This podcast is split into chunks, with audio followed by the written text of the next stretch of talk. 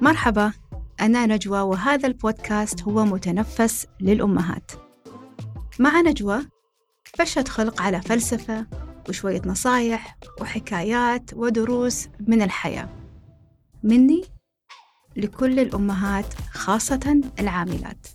فإذا أنت مو منهم انقذي نفسك وروحي استمتعي بحياتك.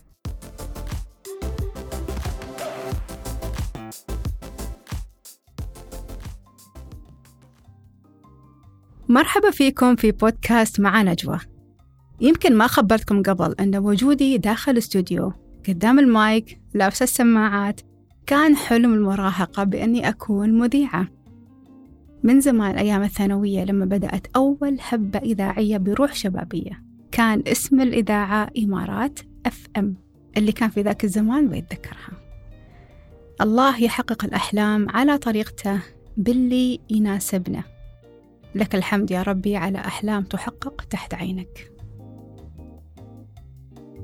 اليوم بنكمل في سيرة النجاح لأني لاحظت أن صار في تحبيك شوية زيادة في الموضوع هذا. موضوع أنه ضروري أحتفل بالنجاح. ليش أقول لكم هذا الكلام؟ لأني شخصيا ما أحتفل وشكيت في نفسي. ولما أقول اللي حوالي وخاصة الكوتشز اللي حوالي يسألوني ليش لازم تحتفلين بالنجاحات الصغيرة قبل الكبيرة. لدرجة أني بيني وبين نفسي صرت أتساءل هل أنا طبيعية ولا فيني شيء غلط؟ ولا نفسية وكئيبة ما أحب أفرح؟ مع أني والله أحب الفرح والاحتفال وأشارك فيها وأضحك وأزغرط وأرقص و و وإلى لكن إني أحتفل عشان حصلت على شيء أو وصلت لشيء هذا مش جوي. صار شيء تقريبا من سنتين. وصلني تليفون من مذيعة في إحدى تلفزيونات دولة الإمارات. كانت مفاجأة سارة. وأذكر إلى اليوم لما وصلت المكالمة وخبرتني عن الدعوة وقالت لي بنطرش الأسئلة. أتذكر الروح اللي كانت داخل كان في نار داخل. وأتذكر لما سكرت صرخت وبس خلصت. والله إن كانت هذه هي الفرحة.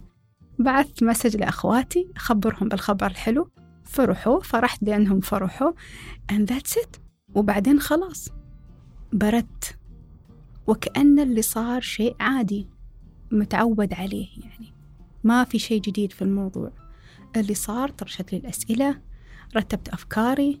رحت للتلفزيون. سويت اللقاء. وأهلي صوروا وفرحوا. أنا فرحت لهم وأني فرحت. أني كنت أصلا جيدة في المقابلة في هذا اللقاء.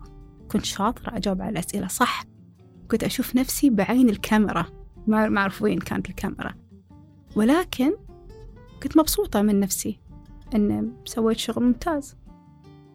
بدون أي بهارات أخرى موقف وانتهى رجعت البيت روحي مليانة شبعانة مرتاحة. في زهو كذا ما أعرف كيف أوصف لكم إياه. وبس. لكن إني أسوي حفلة أو أعمل عزومة عشان أول مرة أطلع تلفزيون؟ لا مش سيستمي لكن كان لازم طبعا لازم أسوي عزومة. اللي صار أن بدأ التساؤل هذا يعشش في مخي إنه أنا ليش ما أحتفل نفس باقي الخلق؟ ليش ما أحتفل وأسوي هيصة وزيطة على إنجازاتي؟ طب أنا حقيقة أحتفل بس مش عشان إنجازاتي عشان بس أريد أفرح. أريد أسوي حفلة أريد آكل أشرب كوفي وشاي أشوف ناس ترقص وناس فرحانة. يعني هذا هدفي. هذا هدفي إن أنا أفرح بس مش هدفي أحتفل بالنجاح نفسه. فهمتوا الفكرة؟ أتمنى. لأن اليوم أتذكر. تخرجي من الثانوية؟ عادي. تخرج الدبلوم العالي؟ عادي. تخرج البكالوريوس عادي. لكن سويت حفلة. سويت حفلة لأني أريد أفرح وليس لأني تخرجت لأن التخرج مضمون يعني ما كان في شيء فوق التوقعات. أنا شاطرة بتخرج بتخرج. سويت حفلة أذكرها إلى اليوم وصورها تثبت أن هي كانت حفلة رائعة بكل المقاييس. الحمد لله. عزمت ناس كلنا رقصنا ضحكنا تونسنا خلصنا. على فكرة حتى عرسي كان حفلة أخرى بالنسبة لي لدرجة أني كنت مصممة أنزل بدري عشان أعرف أفرح مع الناس. ونفس الشيء طبعا عيالي ترقياتي نجاحاتي في الكوتشنج في التدريب. كلها عبارة عن نقاط حلوة أمر فيها في الحياة. بالنسبة لي أحتفل فيها من الداخل. لدرجة مرة أني أخذت جلسة coaching خاصة عشان أكتشف إذا في كلاكيع داخلية. وحاولت ال coach جزاه الله خير تساعدني أفك الشفرة. ندخل في الماضي في أعماق الطفولة في ال traumas. نحاول أن نفكك وندور حوالين الموضوع وكأن في شيء غلط لازم يعالج. إلى أن اكتشفت أن هذه طريقتي في التعبير عن النجاح. أنا أستمتع بالفرحة ولكن لا أحتفل. أستمتع بالنجاح وأربت على كذا كتفي والله برافو عليك يا نجوى. ولكن لا أحتفل. فرحتي داخلية وكأني I acknowledge يعني أعترف بالإنجاز هذا أعترف وأقول برافو عليك نجوى. أشكر نفسي وأؤكد أنه أنا سويت هدف ووصلت لهذا الهدف. بدون احتفال طبعا. وأني قادرة أني أزيد في هذا الهدف وأزداد أنا قوة للوصول لأي هدف أريده. هذه فكرتي. بس ما أذكر أني في يوم سويت قصة لأني حصلت على شيء. ما أذكر. اللي يذكر أني أنا سويت قصة عشان حصلت على شيء يخبرني. please اكتشفت أيضا أن لحظة هدوء مع نفسي الطبطبة على كتفي مشاركة الفرحة مع أحبابي وأني أحمد الله سبحانه وتعالى على كل هذا الخير هي طريقتي في الاحتفال بنجاحي.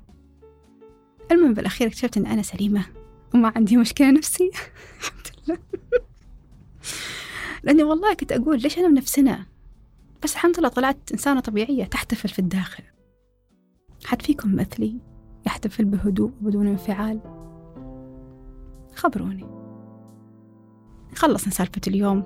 ولا تنسون تتابعون حساباتي حساب الكوتشنج being with نجوى وحساب البودكاست with نجوى دوت بودكاست وأشوفكم على خير.